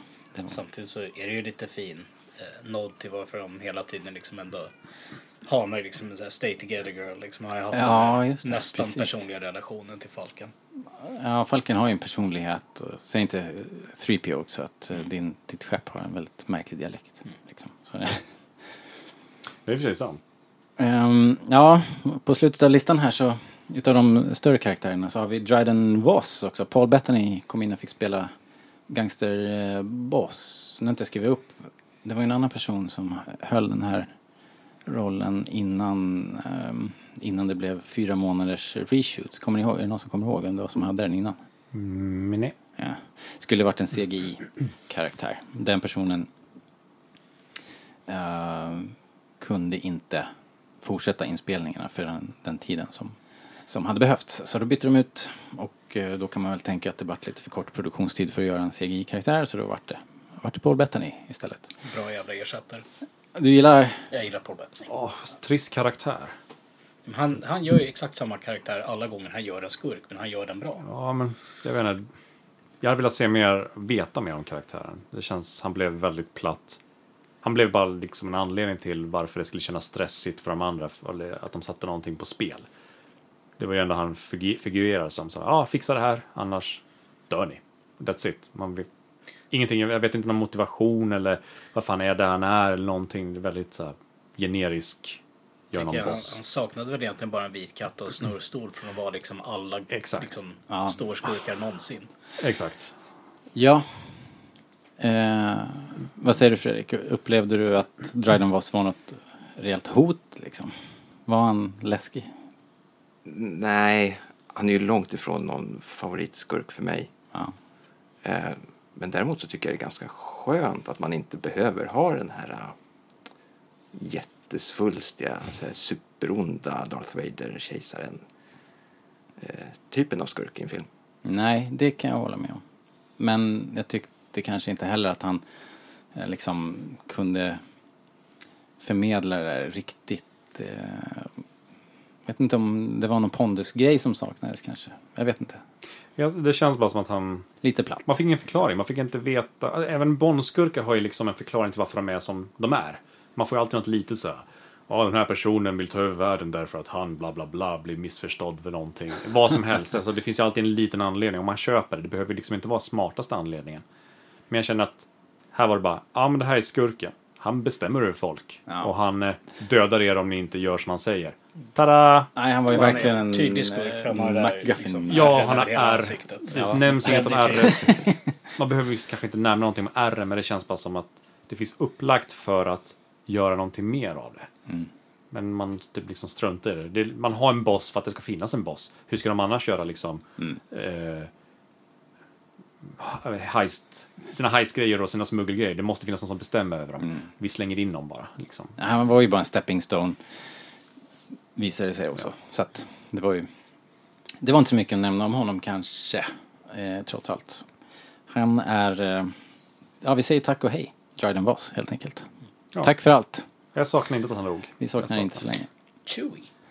Chewbacca! vi glömma Chubby? The Mighty Tugback. Eh,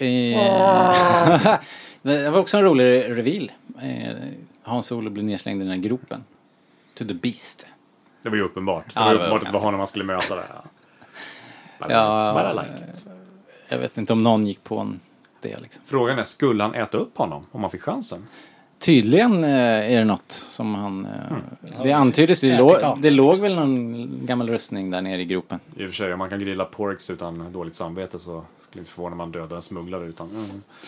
Ja men eh, om, om, om man inte ger honom mat på tre dagar och misshandlar honom. Och, Då hade jag också i och för sig ätit Ja. solo. ja, eller hur? Och troopers. Eh, den, hela den scenen, alltså jag tyckte allting på Mimban var bra. Jag tyckte att det där funkade jättebra också faktiskt. Eh, det var ju lite oväntat. Man hade ju, vi, vi hade ju liksom vetat från lite förhands, lite fotografier som hade skickats ut via ja, någon kanal att vi, vi skulle till Spice Mines och vi hade väl också, tror jag, visste att det skulle finnas Wookies där. Och då börjar man ju redan gräva i EU-hinken och tänker att okej, det, är där, det är där de kommer träffas och så kommer Hans Solo frigöra, frigöra alla Wookiees och Chewie och så blir de kompisar forever and ever. Så det här var ju nytt i alla fall. Det var ju en eh, ny grej. Jag tyckte det var jättekul. Så bara framför mig alla lårbitare som sitter nu och bara är jättearga över att eh, Hans Corellian Bloodstripes inte har någon som helst funktion längre. De kommer bara sitta där och Ja, det är klart. ehm, Det, det är ju det priset för det här. Är ju liksom att det gamla canon, är, det är bara det är legends. Men varför har de liksom en Wookie med sig i mitt i krig? Varför gräver de ett stort hål i marken och bara slänger ner en Wookie mitt i krig? vad ska man annars göra av dem? Exakt. Ja, det vet vi ju inte. Hur, hur han hamnade på Mimban vet vi inte. Men det, det kommer säkert en serietidning snart. Därför får vi veta det. Mm. Vad kul att uh, Hans Solo kunde prata, prata lite uh, Wookiees. Vad heter det nu? Jag glömmer alltid bort vad det. Nå, är det så? Heter det så? Jag tror det. Det står där borta, ordboken. Vi sitter här, det är en massa bokhyllor här och här någonstans finns det ett, ett uppslagsverk. Um, Men de har ju tagit Watchmen. Ja, medan du letar. Det var, det var nice och jag tyckte vänskapen mellan Han och Chewie funkade, liksom deras kemi var ju perfekt tyckte jag. Fredrik, du snackade om den här scenen på när de väl har rymt och, och duschat ihop. Så går de ju och ställer sig på, de flyger in an en planet och då står ju de ute en stund liksom. Uh, Ja, Chewbacca och Han Titanic-scenen. Titanic-scenen, precis. De är ju Jack och Rose liksom där. Väldigt eh, fint. Och när vi ändå pratar om den scenen, jag vill lyfta fram eh, John Powell som skrev musiken Ja. till den här filmen. Mm. Om ni inte har lyssnat på scoret så gör det. Det är... Ja, det är ett, jag skulle vilja säga att det är ett lyft från de senaste filmerna. Jag tycker det var riktigt bra. Flera bra som, låtar som verkligen poppar. Ehm, ja, Det fick ju nästan John Williams senaste låtar att göra, kännas generiska. ja, jag. exakt. Eh, skam att säga. Så känns det ju som so- solotemat som skrevs till den här filmen av Williams. Det är ju inte den som är, sticker ut eller som är minnesvärd på något vis. här, Liksom. Men det kanske är så. Kanske behöver nya fräscha öron Ja, som kommer in. det är klart att man måste bli fast i gamla hjulspår om man skrivit, skrivit eh, Star Wars-musik i 40 år. Liksom. Så det var kul. Eh, lite nya grepp. Det var ju... Utav alla låtar så tyckte jag de här Enfys Nest-temat var, var grymt. Mm. Och sen tyckte jag att det här... Eh, det finns en term för det här. Vad heter det då? När det är musik som hörs i... I, i, liksom i filmen som karaktär. Diegetiskt. Heter det det? Ja. det? Icke-diegetiskt är när det är gjort för tittaren. Ja, just det.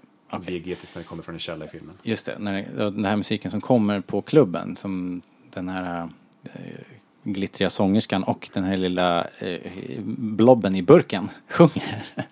Den, den finns med på skivan. Eh, och det är någon sorts hittepå-franska, Joey-franska. Det är ju jätteroligt. Väldigt, väldigt charmig låt Ja, faktiskt. Eh, spring och lyssna på en gång. Men på tal om diegetiskt så upptäckte jag en annan detalj. För när Solo ska skriva upp sig för um, akademin så tittar han ju på en, en, en tv som visar eh, rekryteringsfilmer. Och då hör man ju en, eh, en lite gladare version av im- Imperial March Mhm. som spelas där. Ja, det är otroligt fin liten detalj. Ja. Ja, de har tagit det till Ja. liksom en diegetisk värld, att det är verkligen Imperiets lilla trudelutt själv. Alltså. Ja. Just det. Men lite mer positivt. Ja, men det var lite så här marschtakt, så här glatt så här. Nu ska vi göra en vaktbyte samtidigt. eller någonting. Jag vet. Jag vet inte hur det går till. Jag är, jag är bara civilist, höll. Asch. Den, den, det har de faktiskt gjort en gång förut ju, i Rebels va, på Empire Day spelas det också. I, I högtalarna där. Så det, den fanns det väl precedent för. Men det är ju lite kul. Ehm, mm. Eh, annars då Chewie, var det något annat Chewbacca-relaterat ni vill Jag säga? gillar att Chewie fick mer roll och rörelse. Att han eh, inte bara skuffar runt och är en sidekick och följer Sol. Han kändes mer som en karaktär som hade en egen vilja. Och jag tycker det är skönt att man har utvecklat honom åt det hållet. Det känns konstigt att utveckla åt det hållet när det liksom är prequel-grej, men Mm. att man gör honom mer sin egen karaktär och inte bara Hans Solos sidekick. Han fick ju mycket mer att göra här. Många, många mera roliga scener. Mycket mer. Sen så är han ju så himla aktiv nu också. Jag menar, Jonas Suntama är ju i toppform liksom och kan göra vad som helst i den där dräkten. Så det är coolt. Men samtidigt så har han ju verkligen fått till kroppsspråket tycker jag. Han spelar ju verkligen. Funkar jättebra. Och det här är också en sån här grej där jag tycker att Chewie är mer intressantare att se än Solo själv. I Solos film. Eh, Om inte annat bara det där ordlösa utbytet mellan Chewie och den här kvinnliga Wookien. När de liksom, han, han böjer Är sig du säker på fram. att det är kvinnlig? Jag chansar på det. Jag var lite att, vagt attraherad. Men ähm, när man liksom böjer fram, liksom rör vid pannan, visar på någon form av liksom kroppslig Mm. fysisk närhet, någon relation. Och sen så väljer han ändå att liksom, nej men, jag fuckar off med, med duden här, liksom mitt nya husdjur och hans skepp. Jag tycker det är så schysst att de har en, en sån variation på Wookiees. Att det inte ser ut som i Episod 3. Eh, tre, Ja. När Ja. alla Wookiees bara ser ut som en variant av Chewie. Ja. Utan det här såg verkligen ut som, även om det här kanske såg fulare ut i min smak. Alltså den såg ju mer ut som en yeti, eller typ såhär Snömannen. Än, än en Wookiee. Så tyckte jag det var skönt att man liksom ändå skildes så mycket. Kanske vill knyta an till Life Day. Liksom. Ja. Men sen är det också ty, blir tydligt då att Chewbacca är en jävligt snygg Wookie liksom. Det är ju så. He's very handsome. I like that Wookie. Är du sån här furry, Robert? Tydligen. Det pirrar till lite grann. Hörni... Ja men det, ja, det finns hur många scener som helst med Chewbacca. Hans, när, de springer iväg och ihopkedjar det där var ju också väldigt roligt tyckte jag. Ehrenreich uh, stunt double får man väl anta. Flyger omkring. Gör några spektakulära vurper. Det är väldigt roligt. Uh, Okej. Men Kessel Run då? Kessel Run, ja precis. Det är också en stor del av filmen förstås. Eh, otroligt snyggt. Alltså själva eh, den här eh, vet jag, virvelgången eh, där de åker in och Maelstrom. The Maelstrom och och, eh, och The Maw. Monstret, vet 17. Om jag kände att jag var tvungen att ha. Nej. Ja, jag gillar den. Ja. Men jag är, jag är positiv för, för Kessel Run, för det var den jag var mest orolig för när jag, innan filmen. För jag tyckte det, liksom, till och från är jag det fortfarande, för att Kessel Run var ju en rätt schysst grej att ha som mystikgrej i de Mm. jävla filmerna. Ja, men vad är Kessel Run? Varför klarar den så snabbt? Liksom ljuger han? Är det något han skryter om? Och det, jag var ju rädd att man skulle förstöra den känslan lite om man, om man liksom visualiserar, visualiserar den. Uh, men jag, jag är nöjd med den ändå. Jag tycker liksom att den är, det är en schysst grej. Jag tycker den var snygg. Jag tycker den hade adrenalin och tempo. Så jag ångrar, ångrar, eller ångrar mig inte. Jag, jag är nöjd över scenen. Du fick ju lite som du ville egentligen för både och. De gjorde det ju uppenbarligen. Eh, och, och sabbade hela skeppet nästan. Och, och samtidigt så, så eh, skruvar ju Hans Solo till sanningen lite grann. Så här. Han avrundar åt fel håll. Ja, Så här. precis. Det, det var ju ganska kul tyckte jag. Ja, men det, det blev kanske, jag tror det var höjdpunkten för mig i filmen. Det var okay. Kessel Run. Men då, då inkluderar jag inte bara liksom flygandet utan på Kessel också. Ja, Hela Kessel-biten där gillar jag. det var otroligt snygga scener. Angående den här äh, att han rundar ner. Men den grejen tycker jag är så rolig för att eh, sen i The Force Awakens, Ja, eh, när Ray möter ja det. Så säger hon så här, men inte det här skeppet som gjorde Kessel Run i, på 13 parsecs eller vad det var. Och han bara, 12! Det är ju faktiskt. Jag har missat. Det är en jättefin referens. Ja. Så det är, alltså, Hans Solo är också liksom verkligen mannen som odlar myten om sig själv. Och, och true to character så he, under hela den här filmen så försöker han ju hela tiden konstant snacka sig ur någon jävla skitsituation. Eh, väldigt roligt. På tal om en detalj uh, kopplat till Force Awakens så jag tycker ju Enfys Nest hjälm påminner till en stor del av uh, Kylo Rens mask. Just den här smala visiret. Runt ögonen, ja. precis. Ja, och neråt mot näsan. Yes. Ehm, Väldigt likt. Den är väldigt Star Warsig. Mm. I like it. Som en kisande Mandalorian nästan. Mm. Väldigt smal. Och så med den här stora pälskragen till. Liksom. Ehm, I hennes gäng där så var det ju också, där fick vi se eh, massa bekanta ansikten.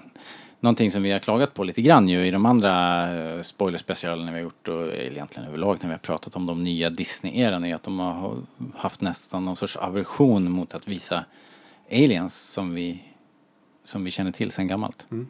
I den här filmen däremot så strösslas det faktiskt lite. Vi såg ju ehm, vi Rodian. Vi såg en Rodian, vi såg eh, minst en Twi'lek. Ja, ett par stycken tror jag såg.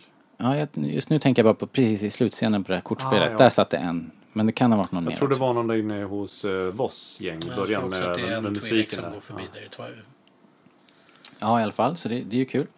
Um, two Tubes från Rogue One. Om det nu är han. Ja, men samma, Han heter samma ras. Tubes i... Uh, Det är ju två stycken i Rogue One faktiskt. Det finns två okay. sådana. Han heter Tubes i alla fall om man kollar Ja. eh, information och så här artböcker eller typ Okej. information. Heter alla någonting med Tubes? Det ska vara skittråkigt. typ John Tubes, Ja. Carl Tubes, här, Robert Tubes. Daniel Alf Tubes. Ja. Jag kom på det här ifall Disney försöker. Inför Får köpa upp alla de eh, domänerna. alla möjliga All, alla kombinationer med tubes. Ja. Ja, bra. Det, det, ska vi dra lite mera Easter egg och eh, referenser? Mm. Eh, kommer ni på någon? Det var ju så många. Ja, det var som vi sa förut. Sista jag tänker på nu för att vi snackar om slutet av filmen så tänker jag på det här när Solo kommer in mot Lando och verkar, låtsas vara arg. Och sen kramar honom istället. Ja, just det. Det är ju en sån referens till vad Lando gör mot honom i Empire Strikes Back. Just det. Det är mycket sådana liksom eh, spegelscener eller spegelsituationer där man upplever samma sak som händer, Mm. händer senare i kronologin men har hänt i Nisse, filmerna. du nämnde Hollow Chess, va? Ja, precis. Det Att- är jättekul att se. Och att det, jag tror Va- Fredrik sa det, att det är samma drag. Ja, det var så att Fredrik som sa det kanske hade noterat att det fanns en spegelscen där också. Ja, det känns som att det är samma... Att Beckets vinnande drag, Att det är där Chewie lär sig att spela. så är det det som Chewie spöar... Nej, som, Nej, det är nej, R2 spöar som R2 spöar. Chewie. Det är Arthur som spöar. Ja, han lär sig aldrig. Nej, precis. Ja, oj! Det har jag glömt. Så Chewie gick på samma nitt två gånger. Det är ju ännu roligare i så fall. Och så säger han ju också att det här finns någonting att lära sig. ja, just det. Chewie din tröga jävel. Plus att vi får se Chewie äntligen dra armarna av folk. Exakt. det Dock inte i samband med spel. Om man inte räknar med den bortklippta scenen från Force Awakens med Unkar Plutt. Just det. Sen droppas det ju också lite, de säger Tatooine pratar de ju om, Felucia nämns, eh, Scarif nämns Ja, i förbifarten. Um, Dathomir. Just det. Dathomir, ja. Dathomir. Precis, precis. Så det är verkligen eh, plenty of. En, eh, ett guldägg som jag lade märke till i Drydens of, uh, Dryden Vosses lilla penthouse där de gör sina deals, sina shady deals.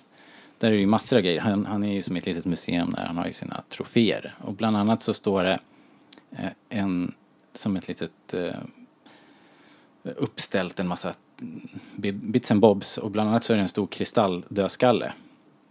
Och under den kristalldödskallen så står eh, den här eh, guldidolen från Raiders. Den är i bild flera gånger. Och dessutom skjuter de sönder kristalldödskallen. Bara som en liten sista hälsning till Indy 4 antar jag. Just det, jag tänkte inte på den. Eh, och Anthony Daniels eh, är ju med i den här filmen också. Vi vet ju inte exakt var, men jag tror... Jo, han gör på Kessel. ja, En robot som säger Freedom. ja, och knockar på öppna Just det. dörren-knapparna. Det låter som Anthonys röst i alla fall. Mm. Sen om han är i dräkten, det Fast han har ju, eh, han har i alla fall den, i eftertexterna så står det att han är med.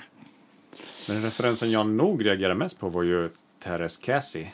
Ja, just det. Som känns som en väldigt djupdykning i, i Legends material där. Det var ju ett Playstation 1-spel, eller hur? Teres Cassie. Masters of Teres Cassie, det var ju ett fightingspel med Star Wars-karaktärer där man hittade på en kampsport. Det är så roligt. Eh, jag vet inte hur mycket den har nämnts annars i, i Legends material, men jag vet att det, jag tror det skapades i och med det spelet. Ja. Och det är liksom tecken-aktigt spel med Star Wars-karaktärer och alla bemästrar den här kampsporten. Men det är ganska gammalt. Det är ju så här, jag såg någon Någonstans screenshot. på 90-talet. Ja. Street Fighter liksom. Ja, Vad heter det? um, Jag kunde inte placera det när, jag, när, jag, när vi satt där och såg filmen.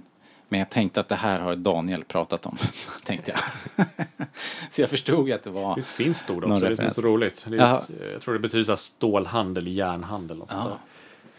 Eh, ja, man, Så förlåt för mitt uttalande. så- Eller mitt... Uh, ja, du gjorde det ju bättre än eh, Emilia Clarke i alla det fall. är precis sant. Hon klarade inte något om ljuden där. Så att, därför kan hon litet, mi- litet, litet minus. Ja, det var väl, eh, tror jag, de Pri- grejerna. Prisjägar, Ja, name det- drop, deluxe. Ja, just det. Det kanske, vi, det kanske vi sa. Bosk. Ja, ja. Beckett hade dödat Aura Singh tydligen. Genom att knuffa henne nerför trappen. Typ. Det var inte han som dödade det. Det var ju fallet. Ja, just det. Precis.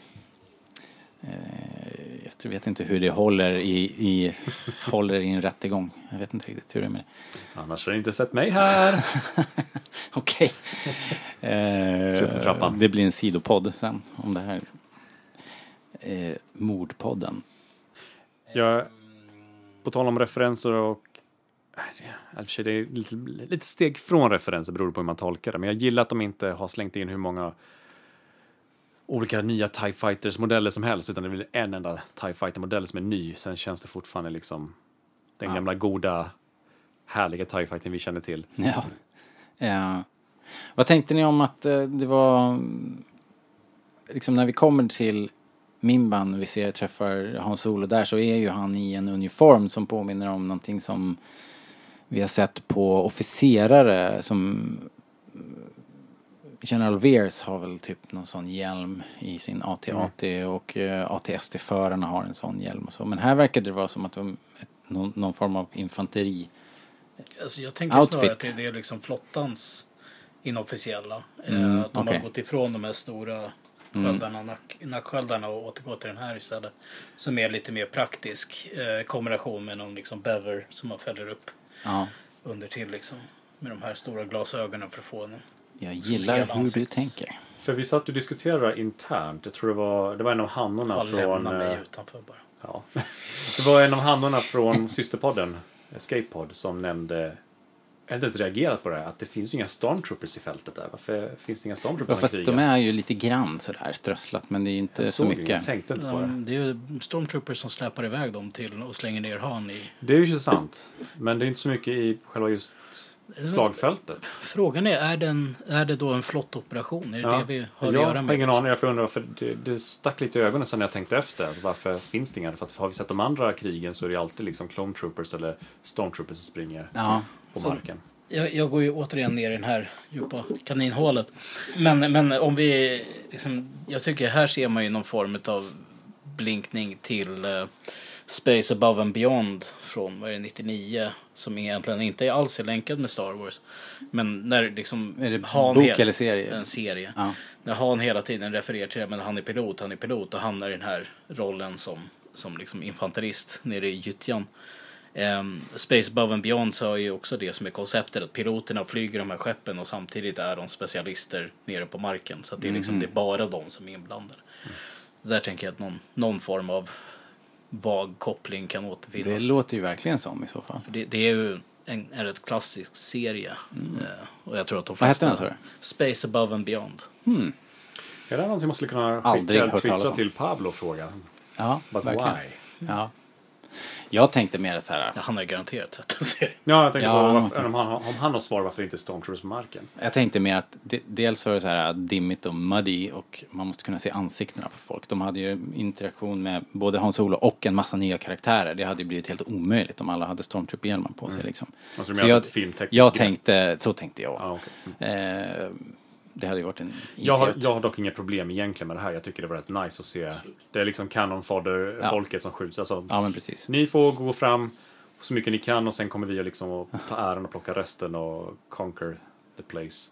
Det var så skönt också när Hans Olo ifrågasatte det. Men varför? Och den här kaptenen bara, för hur var det nu då? Han skulle, de skulle säkra planeten för kejsarens, eh, ja, för the honor of the emperor eller någonting. Men han kallar dem för intruders och så så sa i Solo Ja, det är men det, är ju vi, det är ju deras planet, det är ju vi som är Ja. inkräktarna. Ja, just det. Ehm, det var så snyggt klipp också till från det här draftingkontoret så här bara, We'll have you flying in no time. Och så klipper de så bara Snygg övergång och så Han flyger i en snygg båge. musiken som bara sätter igång. Det var lite orgasm i fåtöljen där. Dessutom, där var en, ehm, apropå konversationer vi har haft förut om trailar och klipp i trailar som sen inte dyker upp i filmen. Så är det en sak där vi har hört den här kon- kontoret, draftkontoret eh, Hans Olo säger I, will, eh, I wanna be pilot, the best in the galaxy. Och då säger han, eh, ja, så, säger den här uh, imperiesoldaten bara, ja, det fixar vi liksom. You're, you're gonna love it, säger han i någon eh, trailer.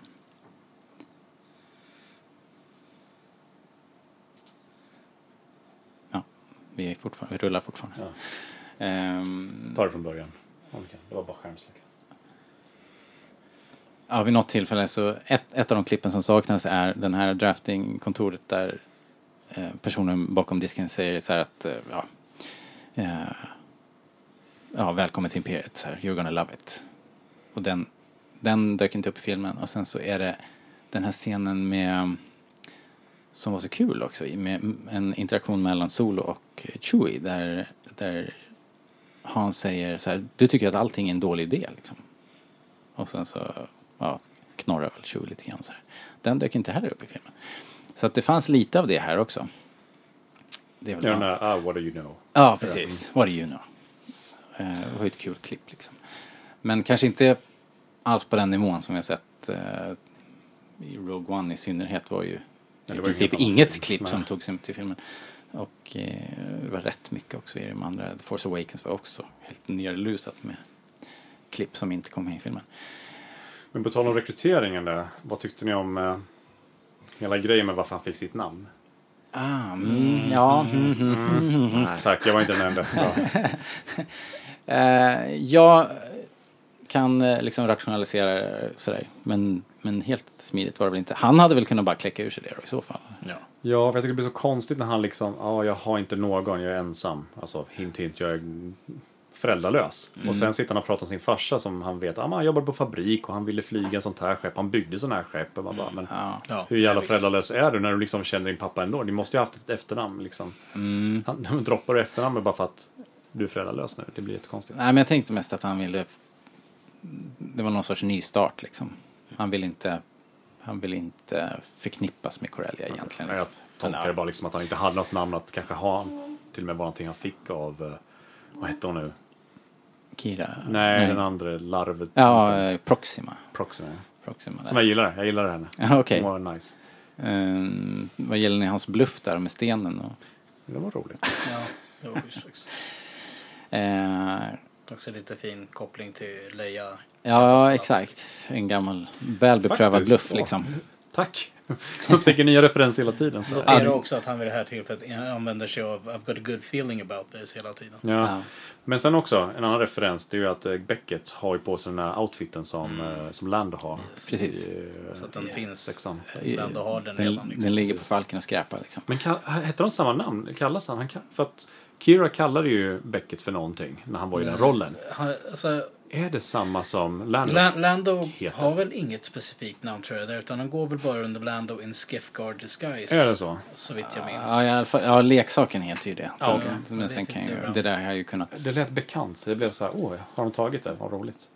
Ja, vad säger ni? Ska vi börja knyta ihop den här säcken? Ska vi... Vill ni ha något slutord då kanske bara? Köra varvet runt. Funderar på om det var någonting mer, bara något snabbt. Ja, jag tänkte eh, fråga er. Mm. Fråga mig. Ja, Daniel, Ja? känner du att det är något, det här regissörsbytet? Att man märker av det? Nej. Okej. Man ska aldrig ställa frågor som det går att svara ja och nej på, har jag ju lärt mig i intervjuskolan. Sen anammar jag aldrig det när jag intervjuar folk, men jag har lärt mig det. Vad heter det? Jag läste idag att det var 70-30 ungefär utav det som var i filmen. Alltså 30 procent var kvar från Lord och Miller. Eh, jag vet inte om man kan 30 procent, det är ändå en tredjedel av filmen. Ja. Och jag kan tänka mig att det är scener som till exempel på den här ökenplaneten, alla wide shots. Och, så de, de, har inte åkt, de åkte väl inte tillbaks on location på Kanarieöarna till exempel. Mm. Ehm, Jag har jättesvårt att, att se. Jag tyckte inte det var uppenbart på något sätt. Alltså det är ju omöjligt att veta liksom. Vi vet ju inte var de har filmat eller vilken stil de hade. Nej. Speciellt om de klipper bort deras improvisationer. Eller improvisationsscener så. Det går liksom inte jämföra med någonting som eventuellt är bortklippt. Nej, nej men precis. Är, man vet ju inte vad man ska titta efter. Men det är klart att de, anledningen till att de fick foten var ju att de hade hamnat fel i ton. Eh, enligt den, den här artikeln i Variety som, som kom, delades idag eller? Kanske inte är delad på våran Facebook. Variety-artikeln. Jag såg den först idag så Ja, jag tror det. Okej, men den kommer. Vi kan, vi kan dela den så ni kan läsa den. Det var en jättebra artikel. Eh, som handlar just om regissörsbytet. Jag gillar dock tonen som de fick till i slutet av filmen. Alltså hela resultatet känns ju mer gritty och mörkare än, än Rogue One på ett konstigt sätt. Fast den är roligare. Ja. Vilket jag tycker de har lyckats bra med. Så att, eh, det är ett stort plus i min bok i alla I fall. och med att man får se imperiets förtryck liksom, Ja. så, här, så är det verkligen gloomy. Till och från ganska disigt. Mm. Eh, Alltså väldigt disigt i många bilder. Jag känner att de har lite, dragit på lite för mycket. Om J.J. Abrams är lens flare father så är, var det här lite Grön dimma. Di, ja, men det var Ja. för mycket dis. Till och med inne hos uh, Voss, hans uh, bar där, så kändes det väldigt disig och rökigt. Så, här. Så jag inte. Att det, Rökig saloon. ja, men det blev lite för mycket när allting har varit liksom krigsscener har varit så. Det har varit nere på Corellia har det också varit jättedisigt. Det blev, liksom ingen kontrast förrän de kom Jag tyckte nog i och för sig att när man kom till Voss att det nästan stack ut. För där vart det så här nästan prequels eh, glam liksom på något sätt. Det var så Jag polerat det där. bra. Jag tycker att de, eh, jag fick ju mer känsla av Jabbas palats än, än Mhm, prequels mhm. där. Eh, det kändes lite så här, men lite så här. Det ska kännas glamoröst, men det är liksom fortfarande smak från någon som har pengar som inte egentligen har smak. Ja, det såg dyrt Förstår du ut. vad jag menar? Det, Ja. det ser dyrt ut, men man kanske bara, ah, inredningen kanske inte är den bästa inredningen. Ändå. Får, får man bara förut när vi pratar om imperiets förtryck prata om världens genom tiderna sämsta utryckningstid på Corellia. När de drar rakt igenom eh, stängslen till den här rymdhamnen liksom. Och det händer ingenting förutom att det kommer en snubbe på en speederbike och jagar dem lite grann. Man tänker ju liksom, här borde det ändå varit någon form av fullt på. Men nu tar, kanske, de kanske inte bryr sig om stället. För jag kände ju liksom att eh, eh, Proximus, hette hon så? Mm. Ja, hennes eh, typ henchmen gick ju runt och hunsade runt Stormtroopers. Det var så knuffa- coolt. Knuffade Ja. omkring dem. så Ja, det, visst. de kanske inte har så mycket att säga om på planeten. De kanske bara ska stå där och patrullera och liksom vakta varven. Andra liksom. Ja. Ehm, nej, kanske inte var, det kanske inte var så hög säkerhet där trots allt. Men ehm, last words då, Daniel. Nu får du chansen här att säga vad du tyckte var bäst. eh, och lite kort vad du inte tyckte om. Och om du vill ett Du bara omdöme. utgår från att jag inte tycker om någonting. Som vanligt. Ja, jag känner ju du känner mig. Eh, jag, var ju inne på, jag var ju inne på det här förut. Jag var ju nervös inför filmen att jag inte skulle gilla den. Och, eller att jag trodde den skulle bli dålig. Och jag, dålig är den inte. Den var bättre än vad jag trodde. Och den håller ju liksom en bra nivå. Men jag känner aldrig att jag fick den här känslan att jag vill se filmen igen. Direkt efter som jag fått med de andra Star Wars-filmerna. både med sjuan, åttan och Rogue One så jag liksom direkt efter längtat. Åh, jag hoppas jag får se den snart igen. Och vi såg ju den här två, tre dagar efter vi hade fått se den på pressvisningen. Eh, och jag längtar inte efter att se den igen. För jag kände mig, jag är nöjd med det jag har sett. Jag behöver liksom inte se den här på ett tag. Så den, den var lite mello för mig. Den var lite så här mitt emellan. Jag vet inte riktigt vad, vad jag ska tycka om filmen. Jag, fortfarande, jag är fortfarande i konflikt med mig själv om det där. För att jag vill tycka om den för att jag känner mig motbevisad. Mm. Men samtidigt så är jag inte så superimponerad ändå. Den ligger någonstans och bubblar runt 70% på så här, såna här index Mm. man kan hitta på nätet. Så här, skulle du säga att det är, är det, är det Ja. för högt eller för lågt eller det beror, right på, vil, det beror ju på vilka du ser. För att kör man klassisk 1-10 Ja men tycker du att det är, är är en rimlig, är, är, det ett, är det ett rimligt betyg? Tycker du? kanske, ja, jo, Ja. kanske. Jag skulle nog ligga med, på 5-6 kanske, tror jag. Den är På- liksom godkänd för På mig. en 10-skala? På en 10-skala. Eh, den är godkänd för mig, men den har sina höjdpunkter och har ganska många tråkiga dagar. Den är seg till och från. Eh, jag var lite uttråkad ibland, men jag är nöjd med den. Jag är nöjd Ja. liksom så här, men jag känner att jag kunde levt utan den. Jag, ja, visst, det är lite krydda på allt annat, men jag har inte känt någon wow, det här fick mig att se allt annat på... Mer fristående liksom. Ja. Det finns ju överkorsningspotential. Mm. Men det kanske kommer på något vis. Om det nu blir med. Men det känns, det känns ju som en solklar början till alltså en fortsättning. Och det är kanske där som problemet är, att man har liksom hållit det lite halvt nedtonat samtidigt som man vill att det ska vara en fristående film ifall det inte gör, görs en fortsättning. Okej, Fredrik, har du samlat tankarna och kommit fram till någonting här? Det är ju eh, som sagt en eh, lite mer fristående film. Jag tycker Daniel hade många poänger och jag håller med honom eh, i mångt och mycket. Jag är nog lite mer positiv. Eh, jag känner att den här filmen, eh, jag får lite känslan av eh, mer de här slags 80-tals äventyrs, eh, Indiana Jones-typen av filmer.